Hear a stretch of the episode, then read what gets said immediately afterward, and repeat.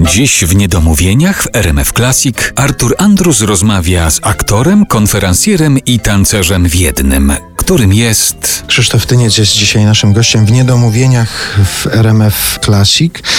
Już parę razy mi się zdarzyło, spotykając się tutaj z ludźmi, którzy wykonują ten sam zawód, który ty wykonujesz, czyli z aktorami, zapytać ich o jakieś takie pierwsze słowa w tym zawodowym życiu, które zapadły głęboko w pamięć, wypowiedziane przez mistrza, przez nauczyciela, przez kolegę, które spowodowały, że nagle poczułeś, że to jest ten twój zawód, że to jest to, co będziesz robił przez całe życie. Jakaś uwaga, jakaś recenzja. Ja pamiętam kiedyś o aktorstwie powiedział mój profesor Janusz Świderski i to zapamiętałem. Powiedział tak, że aktor powinien być wrażliwy jak mimoza, twardy jak skała.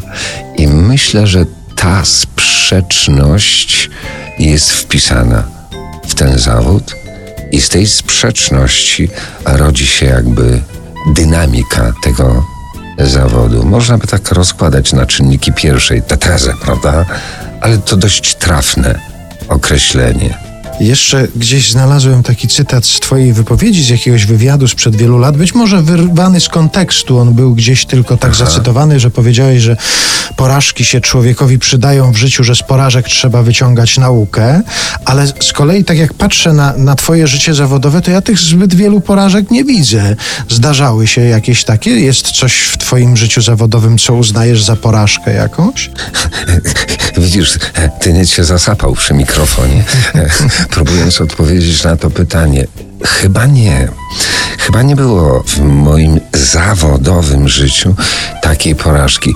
Były czasami mniej trafne e, wybory, ale tak jak powiedziałeś, z nich czerpałem pewne doświadczenie do tego, żeby albo coś się nie powtarzało, albo nie tak. Mówię to o życiu zawodowym.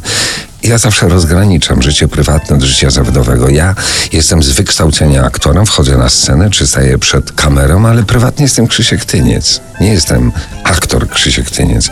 Z tobą w tej chwili mówi jakby Krzysiek Tyniec o, o zawodzie swoim, a nie aktor Tyniec tutaj, prawda? E, I nie Timon.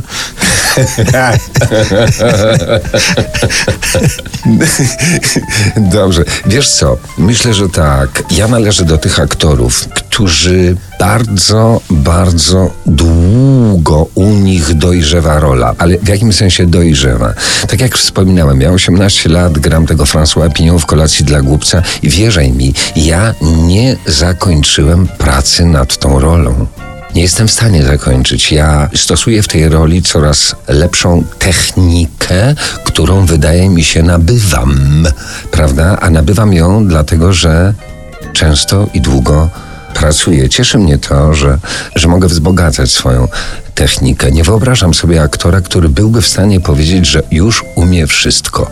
Dobrze, a w drugą stronę, jeżeli nie porażka, to jest coś takiego w tym życiu zawodowym, jakaś jedna taka rzecz, którą uznajesz za, może nie swój największy sukces, ale jak sobie myślisz o swoim życiu zawodowym, to myślisz sobie, Boże, gdyby mi się to nie trafiło, to by mi było bardzo smutno. To by było źle, że czegoś takiego nie zrobiłem, nie zagrałem, nie byłem w tym miejscu. Jest jakaś taka jedna konkretna rzecz, która ci w takich sytuacjach wpada do głowy? Ja nieskromnie powiem tak, ja jestem zadowolony z tego, co robię. Wyobrażam sobie siebie w innych zawodach. Kiedyś kelnerowałem, e, pamiętam, mój tata prowadził restaurację i, i hotel i jako najstarszy syn musiałem zastępować, jak sobie gdzieś tam do Bułgarii pojechał. Z utęsknieniem czekałem, żeby powrócił, bo nigdy nie widziałem się w roli restauratora. A jakbyś w miał- elektrowni też. e, No właśnie, zachciałem się zastanowić, jakbyś miał do wyboru albo elektrownia, albo kelnerowanie, to co byś wybrał? Zdawałbym do szkoły, tak naprawdę. Należę do tego grona ludzi, którzy lubią to, co robią. I wydaje mi się, że to jest fajne. I na najbliższych kilkadziesiąt lat tak powinno zostać, prawda? Bardzo panu dziękuję na najbliższych kilkadziesiąt lat. Tego ci życzę. Bardzo dziękuję. Krzysztof Tyniec był dzisiaj naszym gościem w Niedomówieniach. Serdecznie dziękuję. Ja też bardzo dziękuję i bardzo serdecznie wszystkich Państwa pozdrawiam.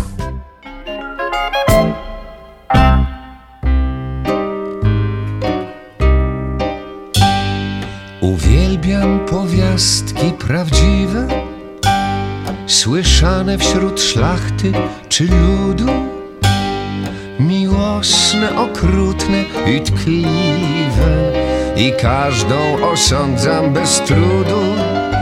Bo z grubsza do dwóch możliwości powiastka się każda sprowadza. Jest mądra, gdy zgadza się z moją mądrością i głupia, gdy z nią się nie zgadza. Laro, Lari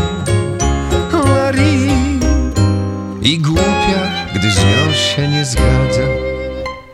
Uwielbiam powiastkę wesołą, gdy tkwi w niej moralna nauka. Bo tylko ostatni oszołom w powiastce morał nie szuka. I myśl moja z czujną bystrością ocenę powiastki doradza. Moralna, gdy zgadza się z mą moralnością ohydna, gdy z nią się nie zgadza. Larą, Lari, ohydna, gdy z nią się nie zgadza. Więc jaki z powiastek pożytek? Słuchając ich, państwo prześwietni, czujemy się lepsi, a przytem mądrzejsi i bardziej szlachetni. Czujemy się piękni jak ogród cnót wszelkich, gdy wespół się skupią, by w życiu postąpić dokładnie na odwrót do cna niemoralnie i głupio.